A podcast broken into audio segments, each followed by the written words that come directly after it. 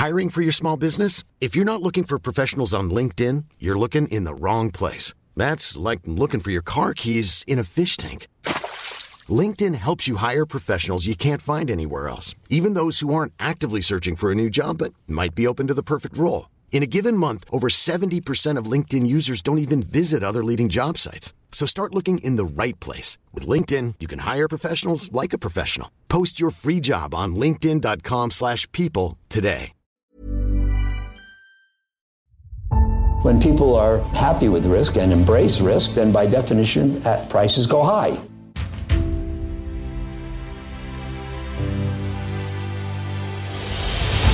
When the cycle turns down, they generally sell at prices that are far too low.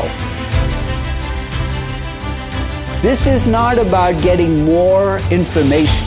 We live in a world where we have too much data. I'm uh, happy to report another stable quarter. Hallå och välkomna tillbaka till Aktiesnack. Det här är en podd som görs i samarbete med Kalkyl. Och idag blir det ett fullsmetat rapportavsnitt. Jag kommer beröra Betsson, Neckar, Waystream, Transtema och vad ska du prata om Peter? Idag ska jag prata om Disney och Airbnb på bolagsfronten och så kommer jag prata lite om generativ AI också och därmed köra en uppföljning på det vi pratade om för några avsnitt sedan då gällande just generativ AI. Spännande, men eh, först tar vi en liten spaning. Och där har ju Castellum varit aktuellt senaste tiden. För de har ju beslutat att göra nyemission och dra in utdelningen. Och det här har ju sett som en utdelningsaristokrat. Men jag tycker det här sätter fingret lite på en grej som jag har eh, tyckt i flera år. Och det är att väldigt många svenska privatpersoner äger alldeles för mycket överbelånade fastighetsbolag. Samtidigt som man har mycket av sin förmögenhet i en bostad som man äger. Och ofta är den också belånad. Så man blir väldigt känslig mot förändringar i räntan, som är någonting man inte alls styr över. Man tror att det här är någonting som är väldigt säkert, vilket man kan se på att SBB till exempel har haft 300 000 ägare i Sverige, vilket är extremt mycket. Och att då ha det här som säkra utdelningsaktier när man är så beroende av någonting externt som räntan, det är i min bok någonting som man inte borde göra om det är den typen av investeringar man letar efter. Sen brukar det finnas ett argument om att det är säkra investeringar för att det är då tangible assets man investerar i. Men så behöver ju faktiskt inte vara fallet. Nej, exakt. För att man är ju så extremt beroende av räntan. Så den dynamiken försvinner lite grann egentligen. Precis, och sen finns det ju tre saker Magnus som kan göra en smart man fattig. Det är ju ladies, liquor and leverage. That's right. Så passa er för leverage.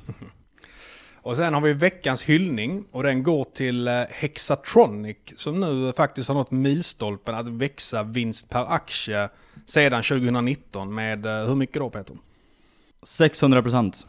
1000 procent. Så det är lite jubileum för det här fina bolaget. Och jag tycker det här är lite fascinerande att ett bolag som ändå säljer någonting så enkelt som att lägga kablar i marken kan uppnå det här fantastiska resultatet. Och det visar ju att ett bra bolag med en fin strukturell tillväxt kan uppnå extremt fina resultat helt enkelt. Och eh, på tal om Hexatronic så har ju deras eh, lillkusin, eller kanske syssling man ska kalla det mer, eh, Waystream rapporterat. Och sammanfattningsvis så tycker jag att rapporten var en bekräftelse på att bolaget går superbra. Man växte omsättning och vinst med knappt eh, 100%. Sen hade man lite sämre bruttomarginal det här kvartalet. Eh, men det var en engångseffekt enligt bolaget och jag håller med om att anledningen känns väldigt rimlig.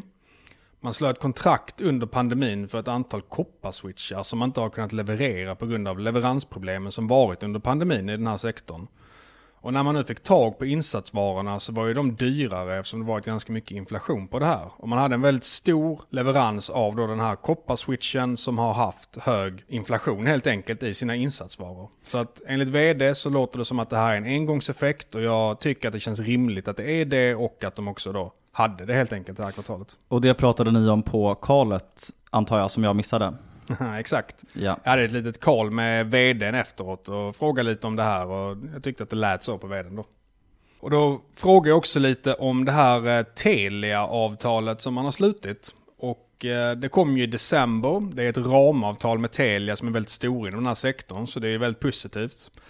Sen ska man ha med sig tycker jag att man kan inte säga vad det här kommer leda till. För det är ju bara ett ramavtal. Det finns inga fasta order i det. Men Telia har ungefär 80 000 switchar i Norden enligt mina antaganden. Och givet att en switch då kostar 10 30 000 och man kan anta förmodligen att Telia kommer ha lite mängdrabatt eftersom de gör så stora ordrar. Så räknar jag med 10 000 per switch. Och det skulle i så fall ge ett möjligt eh, ordervärde på 800 miljoner kronor för Waystream. Sen får man ju slå ut det här på kanske 10 års tid om man kontinuerligt byter ut switcharna och det är ingenting man kommer göra på en handvändning. Så i så fall så skulle det vara 80 miljoner kronor extra man skulle kunna få per år i försäljning. Sen kanske man borde addera någon margin of safety där. Har du gjort det? Det har jag definitivt. Jag, alltså även utan den här ordern så tycker jag att man kan räkna hem caset egentligen. Det är ganska classic eh, Mange ju, alltså ganska classic dig, att, att du räknar ofta på en core business och sen så räknar du ju allt annat som inte du anser som väldigt säkert som optioner. Så att du räknar egentligen hem caset bara på kärnan som är väldigt välfungerande och bevisad. Och det tycker jag också är en väldigt sund approach. Ja men exakt, för att man vill ju ha att även om det blir ett sorts bear case, att den här optionaliteten inte går igenom så ska det fortfarande vara ett bra case helt enkelt. Precis. Men med de här 80 miljoner kronorna extra försäljning, så med tanke på att man har bruttomarginal på 70%, det kommer förmodligen tillkomma lite extra kostnader eh, om man ska sälja mer. Så kanske man kan säga att det skulle kunna ge 40 miljoner extra i vinst per år. Och då ska man ju komma ihåg att det här är ju såklart ett bullcase, att det skulle vara 40 miljoner. Det kommer kanske vara lite mindre, man vet inte exakt vad det är. Men det kan man ju jämföra med att man omsatte 140 miljoner kronor senaste 12 månaderna. Så att det är ju någonting som har väldigt stor potential, men det är omöjligt att säga hur mycket man kommer få ut av det egentligen. Och sen sa även bolaget i rapporten att förändrade leveransplaner kommer påverka resultatet det första kvartalet men vi räknar med att hålla oss inom våra finansiella mål. Och vad det innebär är ju såklart lite svårt att veta. Men man ska komma ihåg att Q1 är ett säsongsmässigt ett lite svagare kvartal för Waystream. Min gissning är att Telia-avtalet inte kommer ha börjat inbringa intäkter då, utan att det kommer vara en gradvis upprampning från kanske Q2. Och sen så kommer man nog ha lite högre kostnader från att man expanderar i eh, Tyskland. Så att jag räknar ändå kallt med att man kommer växa under Q1. Men sen så exakt vad den tillväxten kommer bli, det är lite mer oklart. Sen är ju det här såklart inget som påverkar caset långsiktigt. Men eh, Redeye har ju höjt sina estimat efter rapporten till 47 miljoner kronor i ebit för innevarande år, vilket då ger 15 i ev-ebit för 2023. Och vad tror du då? Jag är väl eh, lite mer konservativ för innevarande år. Kanske att eh, inte stor skillnad, men mellan 40 och 45. Och sen tycker jag det är intressant att Redeye räknar med 90 miljoner kronor i ebit 2025. Vilket då skulle ge ev-ebit 7 om två år. Och det är i min bok rätt aggressiva estimat. De räknar förmodligen med ganska mycket av den här Telia-ordern då. För att skulle det här uppnås då borde aktien definitivt dubblas på två år. Vet du om Redeye har det i deras eh, Topics-portfölj? Jag har sett att de har eh, skrivit om den, de skriver om Topics. Men jag antar mm. att det är att de har den på någon sorts eh, bevakningslista där. De har ju typ tre företag som inte är med i Topics men som står liksom och gläntar på dörren. Det borde ju du veta som har jobbat här.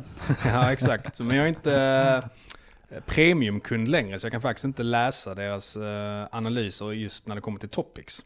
Som sagt, det här med EVBIT7 om två år, det är ju såklart en aggressiv prognos. Så att det är ingenting som man fast kan räkna med i min bok. Och jag ser inte den här screaming buy nu i aktien som jag såg förra året. Den är ju upp eh, över 200% sen vi började prata om Waystream i podden förra våren. Så jag äger fortfarande Waystream, jag ser det som ett långsiktigt case, men jag ser inte det som ett lika superbra case som jag gjorde för ett halvår sedan ungefär. Vet du hur insider-transaktionerna har sett ut nu under tiden som aktien har rusat så pass mycket? Ja, de har faktiskt varit positiva. VD har ju köpt, han köpte både i höstas och han köpte vid årsskiftet december-januari. Och det var ju någonting som fick mig att verkligen tro att det här skulle bli en bra rapport. För att då har man ju insyn i hur det har gått under kvartalet. Jag tror det var no två dagar kvar av kvartalet när han köpte. Och när man då gör det, då är ju det ett signalvärde om att det kommer förmodligen bli bra. Annars köper man inte då. I så fall väntar man till efter en svag rapport och förmodligen kan köpa på en lite lägre kurs. Exakt, och i synnerhet när management köper när aktien har gått så pass bra som den faktiskt har gjort då. Som du sa, alltså sen förra våren så har den gått typ 200%. Det är ju signalvärde om någonting, om management som redan äger aktier fyller på ännu mer efter en så pass stor uppgång. Definitivt, så att alla insiderköp och säljer inte lika mycket värda i min bok. Och till exempel om en aktie går riktigt dåligt och det är ett bolag där insiders brukar köpa, men de inte gör det, trots att kursen är jättenedpressad. Då skulle det också vara en, ett signalvärde i min bok att fan, det kanske är någonting som management ser här som de inte riktigt berättar. Ja. Men det gäller inte Waystream då som sagt. Reversed. Exakt. Sen har vi ju veckans eh, sågning också. Och den går till alla de som kritiserar Ulle89 och company på Twitter. För att de då går ut offentligt med hur de handlar sina aktier och nu under EG7s rapport så trodde ju Ulle89 till exempel att det skulle bli en bra rapport. Det blev inte det. Och då fick han ta mycket skit, vilket jag tycker är extremt konstigt. För att det är få som är så transparenta på Twitter som Ulle89, som både redovisar köp och sälj. Och i min bok är det lite som när politiker är väldigt luddiga i sina svar och bara snackar goja. Det gör ju de för att de inte vill säga konkreta grejer som folk ska kunna hacka på och ta upp sen senare som de har sagt. Men att då stå rakryggad och redovisa tydligt hur man tänker, det är ju någonting som i alla fall i min bok gör att man får respekt, men samtidigt gör att pajkastarna kommer fram och kastar grejer på en. En jättebra sågning tycker jag Magnus. Eh, hur resonerar du kring transparens? Om man liksom bryter ner det och, och, och ser på det lite än mer analytiskt så finns det ju kanske lite andra svar. Till exempel som att man själv kan bli biased för att du har blivit liksom publik med en, ett investeringscase och att det påverkar din handel till exempel. Har du några resonemang om transparens? Ja men faktiskt, speciellt nu med podden så går man ut med en stark åsikt, sen så kanske det kommer ny information och då vill man agera på ett visst sätt och det kan ju ibland vara lite jobbigt faktiskt. Och det är ju någonting som det verkar som Ulle89 har tyckt nu och även pappa Keno har sagt att de kommer skriva lite mindre på Twitter framöver på grund av att just den problematiken som du tar upp. Man har liksom en viss åsikt, man liksom blir nästan skyldig i vissas ögon att eh, agera precis efter den. Och det kan ju påverka ens avkastning negativt då. Jag tycker också det finns en fara i att om man är publik med sina investeringscase så tvingas du ju ofta argumentera för bullcaset då om du är lång givetvis. Vilket då tror jag undermedvetet kan skapa någon typ av identitet kopplat till ett case. Ja men jag håller med och det är som Peter Lynch har ju sagt klassiska uttalandet att har man rätt 6 av 10 gånger när det kommer till aktier så gör man det väldigt bra. Och det är ju rätt sjukt då, det är ju riktigt bisarrt att man kritiserar någon för att de har fel i en aktie eller två aktier. Tyvärr är det ju så vi människor funkar, i alla fall vissa som eh, kanske då ryggar någon utan att ha en egen uppfattning, vilket man absolut aldrig ska göra, för då kommer man inte ha conviction när det går dåligt. Och sen kritiserar man någon annan för att man inte vill själv inse att det var ens eget fel att man gjorde den investeringen.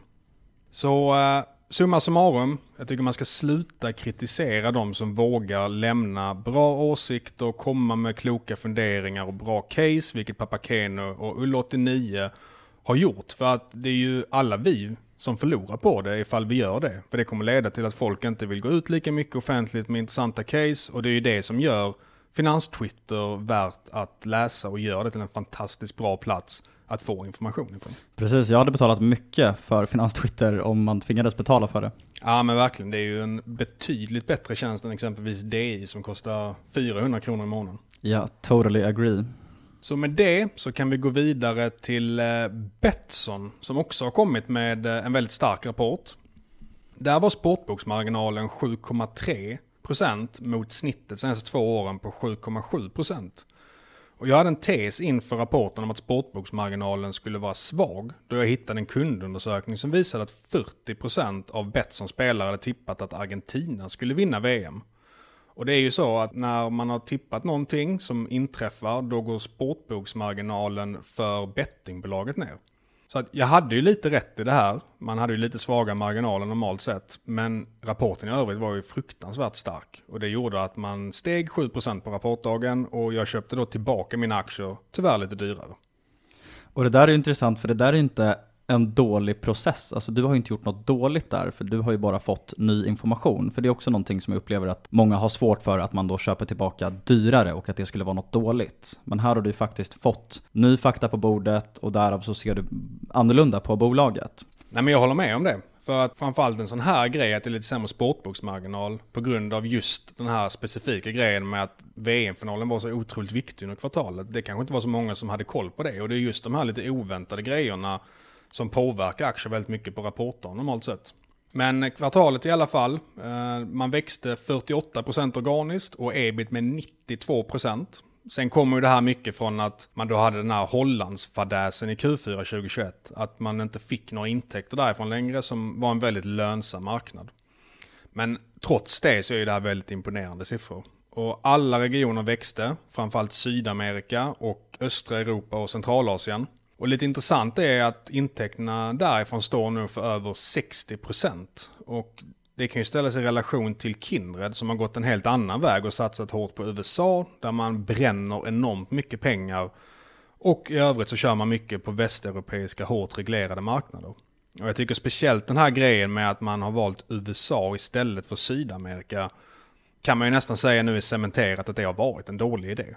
Det är ju enormt svårt att tävla med de här stora amerikanska bettingbolagen som spyr ut marknadsföringspengar och därigenom gör det i princip omöjligt att vara lönsam i USA idag. Precis, väldigt, väldigt tuff konkurrens och sen så har vi ju DraftKings som växer stock-based compensation likt eh, inget annat bolag som jag någonsin har sett. Växer det snabbare än många bettingbolag växer topline? Ja, ja, verkligen. Men det där är väldigt intressant att, för USA är såklart en, en mycket mer attraktiv marknad för att den är större. Men konkurrenslandskapet är ju så otroligt viktigt som vi har pratat om i podden tidigare att ett bolag är ju faktiskt bara så bra som konkurrenslandskapet tillåter det att vara. Så det kan ju fort, fortsatt att vara bra kapitalallokering att satsa på en mindre attraktiv marknad för att det finns mindre konkurrens där helt enkelt. Absolut, håller med till 100%. Sammanfattningsvis så värderas ju Betsson till EV-ebit 8 nu på rullande 12 månader trots att intäkterna fram till 8 februari nu i Q1 steg med 34%. Så jag är väldigt imponerad av Betsson. Det går väldigt bra. Man har ju alltid den här Turkiet-risken, där väldigt stor del av vinsten kommer ifrån. Och att man är på oreglerade marknader som kan då ta bort rätt mycket av vinsten ifall det skulle komma någon reglering. Men med det här räknat tycker jag ändå att det är bra risk-reward och jag köpte som sagt tillbaka en ganska fin stek efter rapporten. Hur många procent av portföljen? Eh, 8% tror jag nu. På tal om transparens. Exakt. Men sen har vi haft lite rapport från eh, Disney också, eller hur Peter? Det stämmer. Eller The Walt Disney Company som det heter. Och jag tyckte att Disney kom med en väldigt intressant rapport och det var ju inte siffrorna som var jättespännande, men earnings callet var däremot väldigt, väldigt insiktsfullt.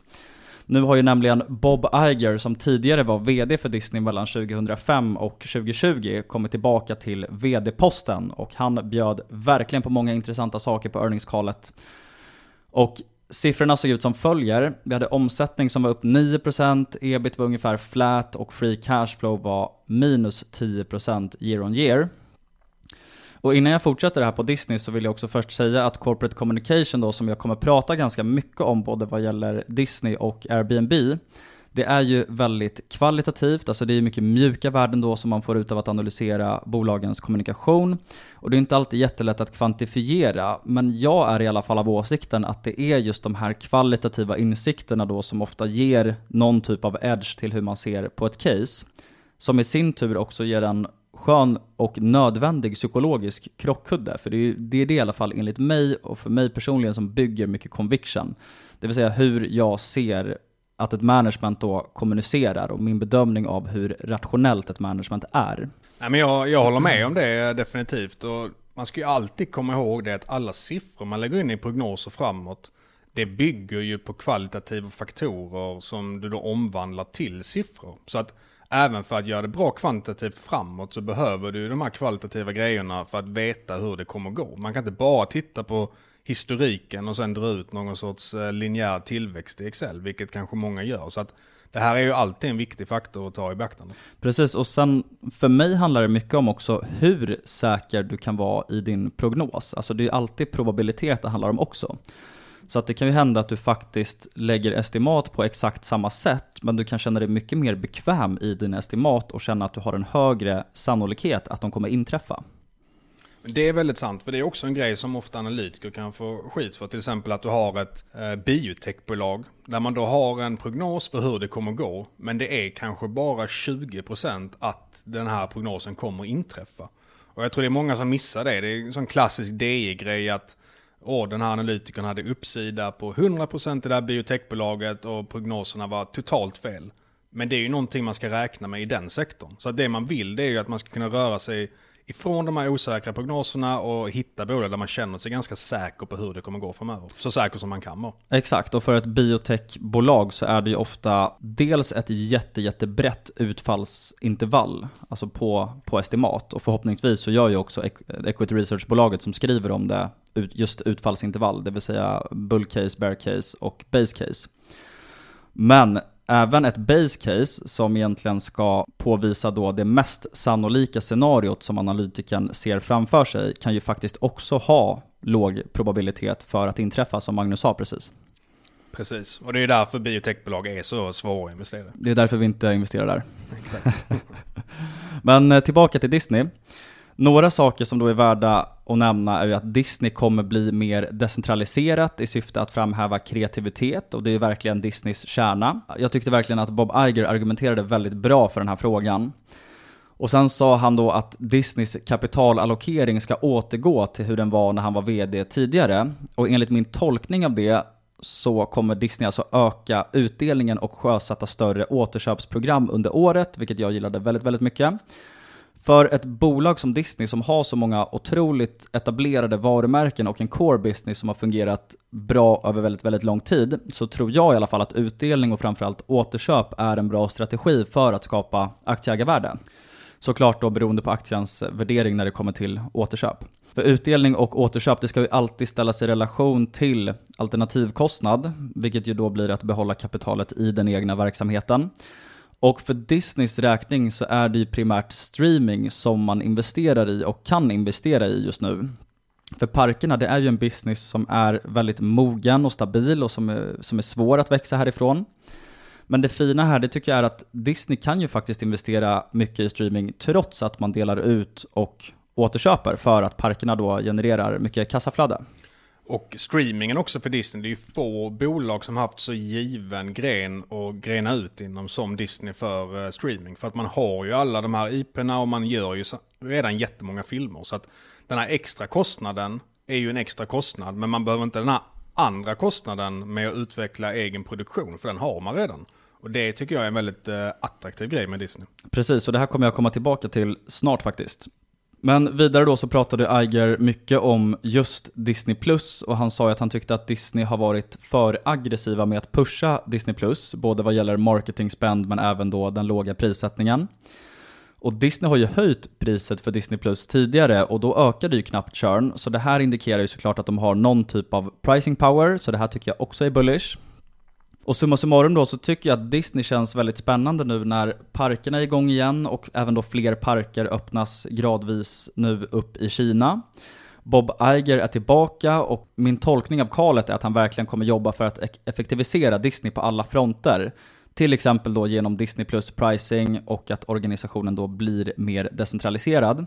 En annan sak som är positiv för Disney det är att Netflix troligtvis kommer försöka höja priset igen snart, med tanke på Netflix då dåliga marginaler. För Netflix, de har ju egentligen två val. Antingen spenderar de mindre på content, eller så höjer de priset. Och historiskt så har de ju alltid höjt priset och, och då har väldigt sällan minskat investeringarna i eget content. Så den här pressen på Netflix ser jag också som positiv för Disney. Och nu har vi ju Disney på EV ebit 19 och EV free cashflow på 55. Men jag tycker att det här ser artificiellt högt ut eftersom Disney har gått från typ 25% i ebit-marginal då till 8% under de senaste tre åren. Och innan dess var faktiskt marginalen stabil runt 25% i väldigt, väldigt många år. Och det var ju faktiskt innan Disney Plus lanserades och innan pandemin. Och det var också runt just 2019, det var precis därefter som Bob Iger slutade som VD. Och han är då tillbaka som jag sa. Och jag tycker alltså att Disney har väldigt många kortsiktiga triggers som är fina. Vi har ju layoffs på 7000 och det är för övrigt väldigt savage av Bob Iger att sjösätta det direkt när han kommer tillbaka. Sen har vi diverse effektiviseringar, vi har då parker som öppnar upp gradvis, vi har då en förändring vad gäller kapitalallokeringen som jag tycker känns väldigt rationell.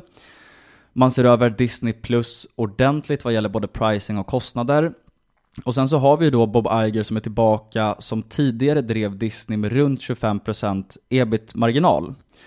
Och allt det här kombinerat med att Disney då har så jäkla starka franchises och varumärken och att de, precis som Magnus sa innan, har tagit en stor del av den här kostnaden i att digitalisera deras erbjudande.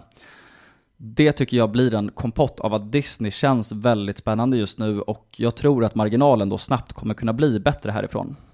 Det sagt så äger jag inte Disney idag. Hur kommer det sig? Alternativkostnad, Magnus. Så är det. Du är inte den som gillar att handla runt för mycket. Nej, precis. Jag föredrar ju att göra mina transaktioner efter en rapportsäsong. För då har man liksom hunnit scanna allt. Och generellt så är jag ju väldigt mycket segare än dig. Jag gillar ju när det går långsamt. Du handlar ju på veckobasis, jag handlar ju knappt på månadsbasis. Det är inte Peter som ligger bakom Avanza och Nordnets fina utveckling senaste tiden. Nej, det är väl därför jag inte är välkommen på Nordnets trading golv som en annan är. Det kan inte jag svara för. och en annan intressant rapport, det var ju Airbnbs Q4. Och de redovisade rekord på i princip varenda nyckeltal i Q4 och de sa återigen att de inte ser någon som helst slowdown i sikte. Och siffrorna såg ut så här. Nights and experiences booked var plus 20%, listings plus 16%, omsättning plus 24% och sen så hade vi free cash flow på rullande 12 plus 49% med en marginal på, kan du gissa Magnus? 35. 41%, vilket är helt, helt otroligt.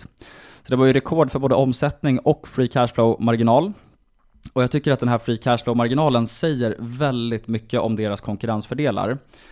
Och jämfört med 2019 så minskade headcount med 5% men omsättningen är upp 75% under samma tidsperiod. Och det här säger också mycket om skalbarheten och återigen då även om Moat tycker jag. Och en sak som Brian Chesky då gillar att upprepa, som han sa även under Q4-kalet, det var ju att Airbnb genererar omkring 90% av all trafik helt organiskt. Alltså utan någon som helst marknadsföring förankrad.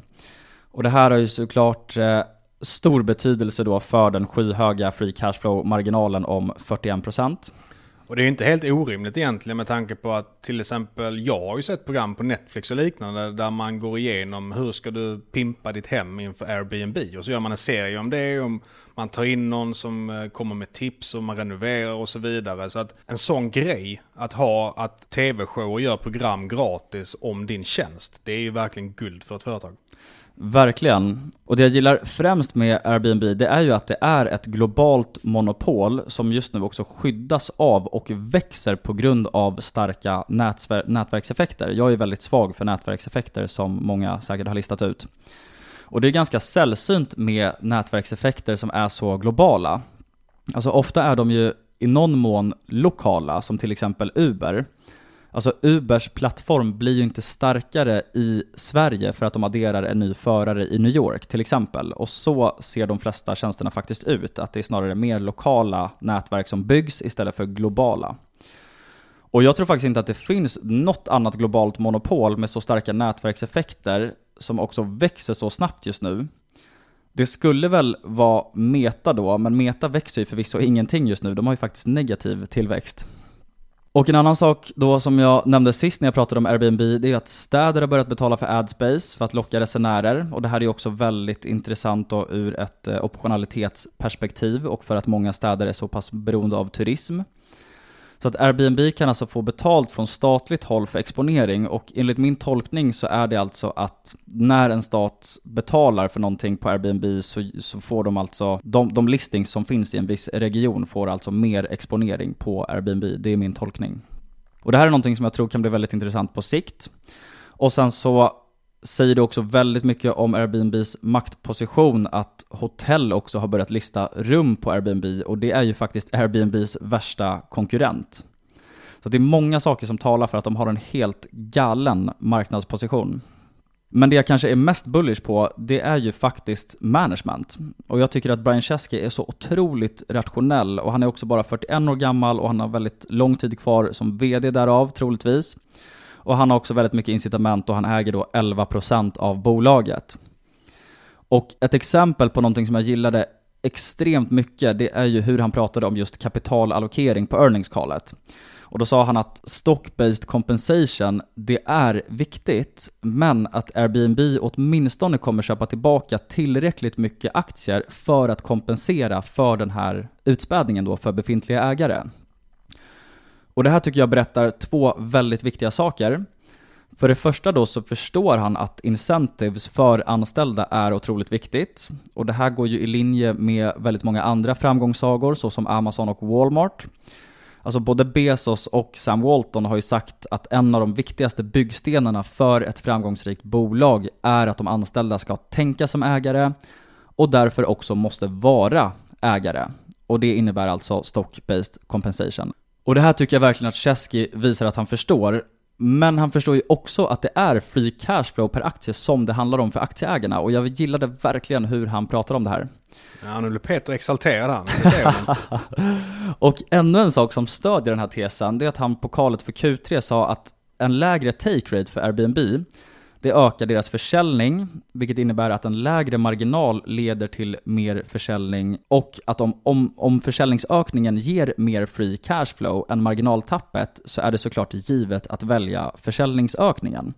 Så det här indikerar återigen att Airbnb är rationella i sin strategi och kapitalallokering och det är precis, precis, precis, precis det här man ska leta efter som aktieägare.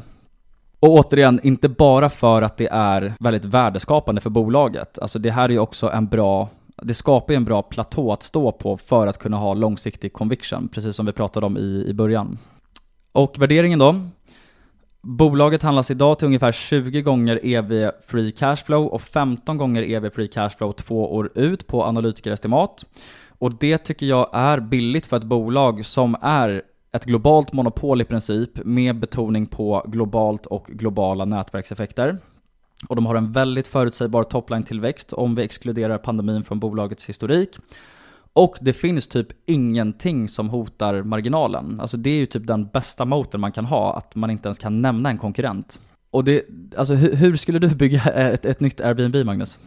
Ja, det skulle kosta lite pengar. Ja, men det går ju tillbaka lite till Buffetts klassiska citat, det här om Coca-Cola, att om du gav mig 100 miljarder dollar och sa att jag skulle ta, ta bort Colas leadership av softdrinks in the world, så skulle jag ge tillbaka dem till dig och säga att it can't be done. Och det tycker jag går verkligen att applicera på Airbnb. Och en anledning som gör också att det är väldigt svårt att replikera, det är ju att supply och demand för en plattform måste ju växa ganska parallellt. Alltså det måste vara en hyfsad balans, för annars blir ju UX helt förstörd. Det vill säga om det blir för mycket på något håll, för att om det blir för mycket demand, som inte då supply kan möta, då finns det ju inga ställen som du, som du kan boka upp dig på. Och tvärtom, om du listar ditt hem på Airbnb och det är ingen som, som vill ha det, alltså köpa din tjänst, att du hyr ut din bostad, så kommer inte du heller tycka att det är en bra tjänst. Så det är ju också en tjänst som inte bara kan liksom skalas upp supersnabbt, vilket jag ser som ett jättestort plus. Att det måste ändå finnas en balans i nätverket. Håller du med? Ja, men det är lite som din poäng med eh, Amazon, att det kostar väldigt mycket pengar att bygga upp deras lager och infrastruktur och det kanske många ser som en nackdel, men det är också en fördel med att konkurrenter inte kan göra det lika lätt heller. Precis, jag gillar ju lite det att i ett case som Amazon till exempel, där har vi ju dock snarare en fysisk närvaro och fysiska kost, alltså capex, som skyddar dem från konkurrens. För att andra som ska bygga upp en tjänst som då ska matcha Amazon som var lika bra, de måste ju faktiskt ta samma kostnader, vilket då blir skydd mot konkurrens. Men då återigen tillbaka till Airbnb. Jag tycker också att det är lätt att förstå affärsmodellen och konkurrensfördelarna. Och sen så har vi också, som jag sa innan, skin in the game och ett management som är superrationellt. Alltså Airbnb checkar verkligen alla boxar för mig och det här kan absolut bli ett case som jag plockar in. Sen så sa jag det, jag kommer ju vänta tills earning season är över. Jag gillar ju som sagt när, när det går sakta. Men vi får se. Det kan säkert bli att jag handlar Airbnb framöver. Det är två case som står och knackar på dörren eller? I alla fall Airbnb. Disney känns lite längre ifrån. Men det här är inget Mange-case antar jag? Nej, inte riktigt. Det är lite för stort och eh, Lite amerikanskt. Jag skulle bli så jäkla chockad om du kom hem till mig nästa vecka och bara du fan jag har handlat Airbnb. Halva portföljen är Disney nu. Exakt. Nej, men jag är väl mer av en eh, person som har exempelvis eh, Transtema. Oj! Som är nästa företag jag skulle prata om. Jag har dock faktiskt inte den nu. Så det var ett dåligt exempel. Men ett liknande företag. Det var en dålig övergång. Men Transtema är ju ett bolag som jag har gått igenom en del i podden. Och eh, man servar ju underhåll i kommunikationsnät som mobilt och fiber. Och jag sålde mina aktier för någon månad sedan. Eh, då jag var lite osäker inför rapporten. Om det skulle bli så bra tillväxt som det varit eh, tidigare. Men rapporten blev väldigt bra. Man hade organisk tillväxt på 15% och ebitda växte från 36 till 58 miljoner kronor. Men nu har Transtema flaggat flera rapporter i rad om att man vänt sig en tuff lönerörelse. Och jag har ju lite farhågor om att facken kanske kommer vara ganska tuffa när det kommer till förhandlingarna med det här 2023. Det kanske beror på att min brorsa har börjat jobba på Transtema. Han har en jävla lönanspråk eller? Ja det vet jag, jag har lärt han. det är bra det. Men man ska också komma ihåg det att det här är ju en eh, ganska, det är en lågmarginalbransch som är väldigt personalintensiv. Så att om lönerna går upp mycket så slår det mycket mot vinsten också. Och sen har ju aktien också gått 80-90% upp sen oktober, vilket gör att margin of safety har minskat betydligt för mig. Så att jag tycker det finns ett mycket intressanta case där ute just nu. Eh, jag har inte glömt hans tema, men den får inte riktigt plats i min portfölj just nu. Man ska komma ihåg att aktien är inte dyr. Det är ju 11,5 i ev på rullande 12 månader.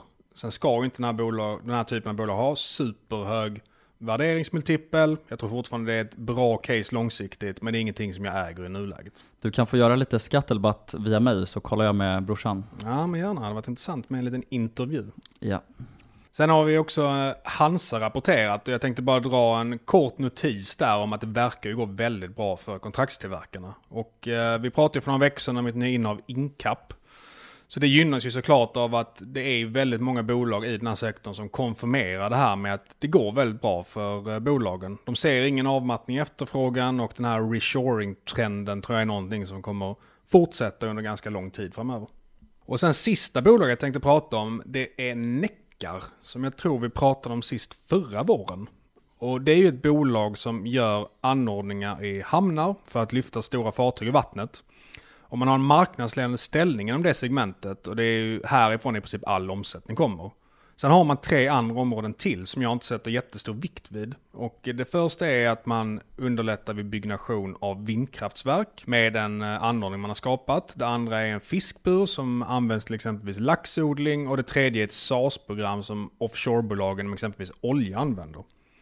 Dock har ju de här tre segmenten inte gjort så mycket under de tre åren som jag har följt Neckar. Och det gör att jag inte räknar med dem särskilt mycket i omsättningen. I min bok så är det ganska osäkert om det här ens kommer att bli något. Eh, framförallt då vindkraftverken och fiskodlingsgrejen. Men tillbaka till den stora viktiga verksamheten och det är ju att eh, lyfta båtar. Och anledningen till att jag tar upp Necka nu framförallt är att jag tycker att det är ett ganska spännande läge för bolaget just nu. För man hade ett ganska dåligt 2022. Men det är en väldigt cyklisk verksamhet och man hade två väldigt intressanta slides när man presenterade rapporten nu. Och det ena, det var att man ser att det kommer att vara upphandlingar som är värda 2 miljarder nog som kommer att avgöras närmaste två åren. Och man är ju marknadsledare, man har historiskt vunnit en majoritet av de upphandlingar man varit med i och jag räknar med att man kommer göra det nu också. Och då kan man sätta de här 2 miljarderna i relation till 388 miljoner kronor som man omsatte 2022. Så att säga då att man skulle vinna lite drygt hälften av det, då skulle det vara tre gånger så mycket värt som man hade i omsättning 2022. Och sen så kan vi också se från en slide som hade med hur mycket man kommer leverera 2023 och 2024 från den nuvarande orderboken. Och då hade man 404 miljoner 2023 och 421 miljoner 2024. Så att även om de inte tar några nya order nu under två år så kommer man växa omsättningen både 2023 och 2024 från hur det var 2022. Och då kommer man som sagt med allra största sannolikhet vinna några ordrar närmaste åren och därigenom öka den omsättningen ännu mer. Så jag ser ett läge där man haft ett lite tufft år, men man handlas ändå bara på EV-EBIT 11 på rullande 12 månader. Man bör växa vinsten rätt ordentligt framöver med tanke på att man bör växa omsättningen ganska ordentligt. Så jag tycker att eh, det här ser ut att vara ett ganska intressant läge för en aktie som gått ganska dåligt senaste halvåret. Och jag har haft en liten position länge men köpte mer aktier nu efter rapporten. Ser du några speciella risker med caset? Ja, det är väl inga sådana speciella som sticker ut, men en är väl kanske att man har varit ganska långsam med att leverera på de här upphandlingarna som man pratat om under ganska lång tid nu. Men sen så är det ju så att det är ju befintliga upphandlingar så att det kommer ju avgöras någon gång. Sen så är frågan exakt när det kommer ske. Och sen så har vi de här förhoppningsdelarna med vindkraft och fiskodling. Men det är ingenting som jag tycker att man behöver räkna med för att kunna räkna hem caset idag. Och det räknar du inte med heller? Nej, som vanligt. Ja. yes, men det var mina case idag. Nu ska vi avsluta med lite generativ AI. That's right, och det var mina case också förresten. ja, men det var färdigt för mig nu. Ja, ja, men jag tänkte som sagt följa upp vårt snack om generativ AI, för det, det har ju hänt lite på den här fronten sen vi pratade om det sist. Microsoft har ju nu gått ut med att de kommer inkludera ChatGPT i Bing. Och för de som inte känner till det så är ju Bing Microsofts sökmotor och alltså en konkurrent till Google. Och den här sökmotorn den är ju definitivt större än vad många tror. För den genererade ju nästan 12 miljarder dollar i intäkter 2022. Men Bing är ju såklart litet relativt sett mot Google. Men senaste månaden, det är faktiskt första gången någonsin som många tror att Google faktiskt kan bli väldigt utmanat. Och då är det alltså Bing plus ChatGPT då som är det största och kanske enda hotet. Och för ungefär 10 dagar sedan så sa ju Satya Nadella som är VD på Microsoft att gross margin inom sök från och med nu kommer sjunka för alltid. Alltså hur savage är det Magnus? Det är ett rätt sjukt uttalande. Verkligen. Så att det här är ju också första gången som Microsoft också känns konfidenta i att de faktiskt kan utmana Google och sen är det också tydligt att de faktiskt också kommer försöka. Jag är förvånad över den siffran att de ändå omsätter 12 miljarder dollar redan. Jag vet ju ingen som använder Bing. Så det, de har ju ändå en del eh, bas att stå på redan. Precis, de har typ 3-4% global market share av sök och jag tror att Google ligger på typ 90 eller någonting sånt här. Men hur som helst, eh, Google har ju svarat på det här och det har ju rapporterats om att Google har lanserat kod röd inhouse och att de har då börjat koncentrera väldigt mycket resurser för att konkurrera mot ChatGPT. Och det här förstår jag verkligen. Alltså ChatGPT gick ju från 0 till 100 miljoner användare på två månader. Och det kan jag lova att ingen annan tjänst någonsin har gjort tidigare. Kan du komma på någon? Nej, men jag tror faktiskt jag såg någon lista för ett tag sedan att de var snabbast att gå från 0 till 1 miljon och eh, det gjorde de på typ en månad. Så sen kom 99 miljoner till på en ytterligare månad. Så ja, helt galet. Det är ju vansinnigt hur snabbt det växer. Och givet också att ChatGPT och Google Search överlappar en hel del, i synnerhet då när ChatGPT kombineras med Bing, så är det ju såklart rimligt att Google blir livrädda. Och vi har också sett flera spelare i Kina som gör insatser inom generativ AI, till exempel då techjättarna Alibaba och Baidu. Det är också väldigt viktigt att förstå här att GPT, det är ju en plattform som andra då kan bygga tjänster på. Alltså ChatGPT, det är ju bara en app som byggs på GPT helt enkelt. Så det här skulle ju kunna vara någon typ av iPhone slash App Store moment som vi hade då 2007-2008. Och det är ju troligtvis därför också Google är så jäkla uppskrämda. För App Store, det känner säkert många redan till, men det har ju blivit så kraftfullt och så stort för att andra bygger tjänster på den plattformen helt enkelt. Och sen så tar ju de en skyhög katt på det. De tar ju 30% av alla appars intäkter, vilket faktiskt är helt galet. Men det har ju faktiskt blivit nu väldigt utmanat in court också, ska tilläggas. Men både Google och ChatGPT tycker jag att går att definiera lite som learning platforms eftersom då det primära syftet är att hitta information och lära sig någonting. Och på Google så söker du på någonting och får svar och på ChatGPT så ställer du frågor och får svar. Och skillnaden på Google och ChatGPT är att man via Google får länkar till andra sajter medan ChatGPT ger ett svar. Och vissa saker är ju ChatGPT definitivt redan bättre på skulle jag säga. Till exempel då så kan man ju få ett mycket mer koncist svar än det som Google kan ge dig. För via ChatGPT så kan du ju fråga specifikt om till exempel då, ja men de sju största historiska ögonblicken för Tesla. Och då kommer AI servera dig just sju stycken punkter.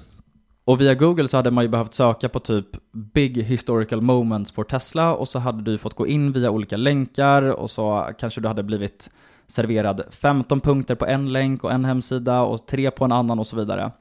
Så i det här avseendet så ger ju ChatGPT mer värde än Google tycker jag. Vad skulle du säga att Google är bättre på? Ja, men en fördel som jag ser det är väl ändå att eh, det blir mer mångfacetterat med antal åsikter som man själv grundar sin uppfattning på. Och det kanske är ett litet hot mot samhället för nu kommer ChatGPT om det blir riktigt stort, vilket det förmodligen kommer bli med tanke på att det är folk är redan. lite lata och inte vill leta själva. Så kommer det bli att vad ChatGPT säger kommer bli vad alla tycker och tänker. Och det är ju ändå lite farligt för samhället på sitt sätt. För att den som programmerar ChatGPT, den kommer ju lite grann bestämma hur människor tänker framöver. Absolut, sen har vi ju nog haft det redan tidigare, alltså till exempel med, med Google. Sen bygger ju det dock på liksom en marknad, att om du betalar för AdSpace så hamnar du högre upp och så vidare. Så jag, Ja. jag köper att det är en annan struktur. Det är ändå, ja exakt, det är ändå att man eh, då får upp länkar till olika artiklar som är skrivna av olika personer med olika perspektiv. Men det är såklart, Google och Facebook styr redan jättemycket hur vi tänker. Men det här är ändå nästa steg i det hela. Precis. Sen säger också många att Google är bättre för att man får källor via Google, men det går ju faktiskt göra, eller det går att hitta via ChatGPT rättare sagt, alltså vilka då sources som AI har hämtat informationen ifrån.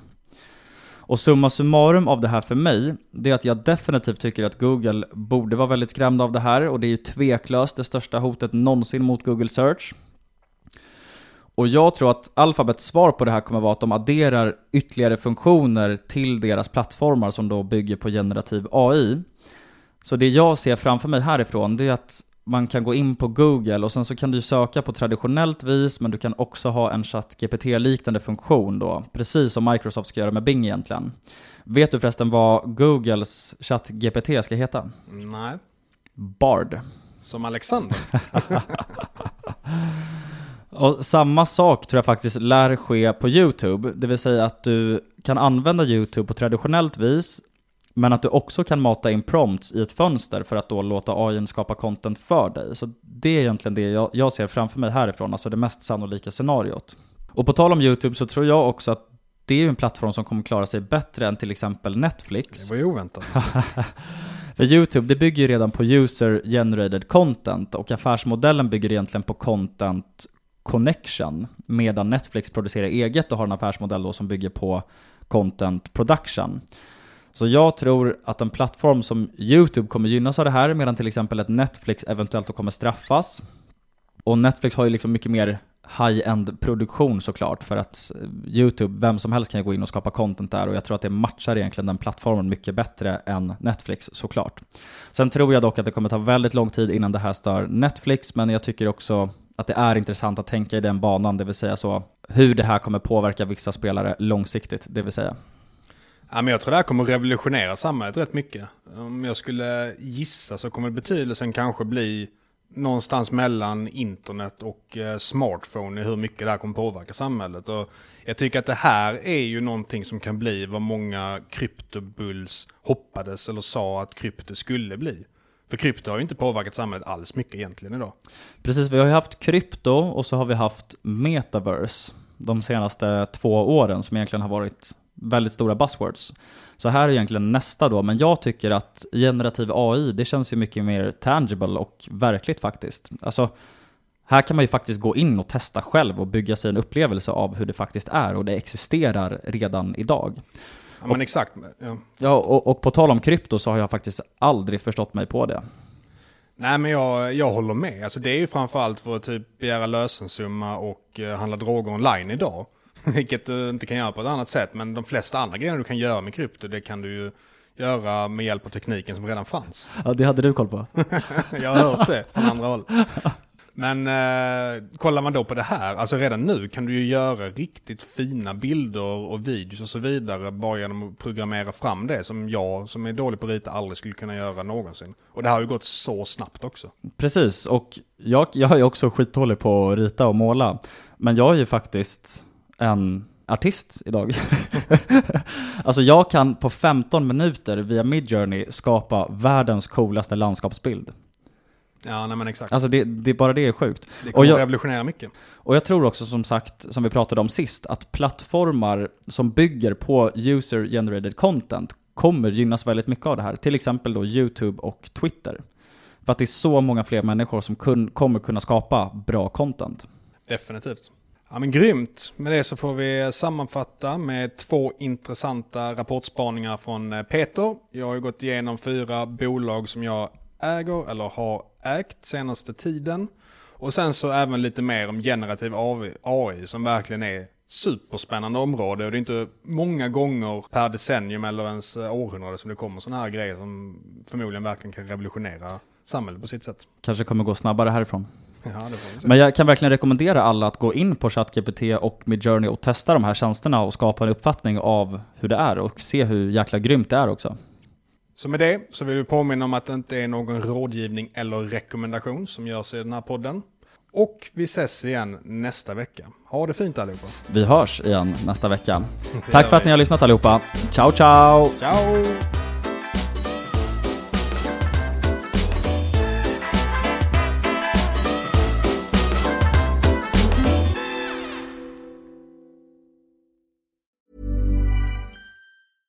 Hey, it's Paige DeSorbo from Giggly Squad. High quality fashion without the price tag. Say hello to Quince.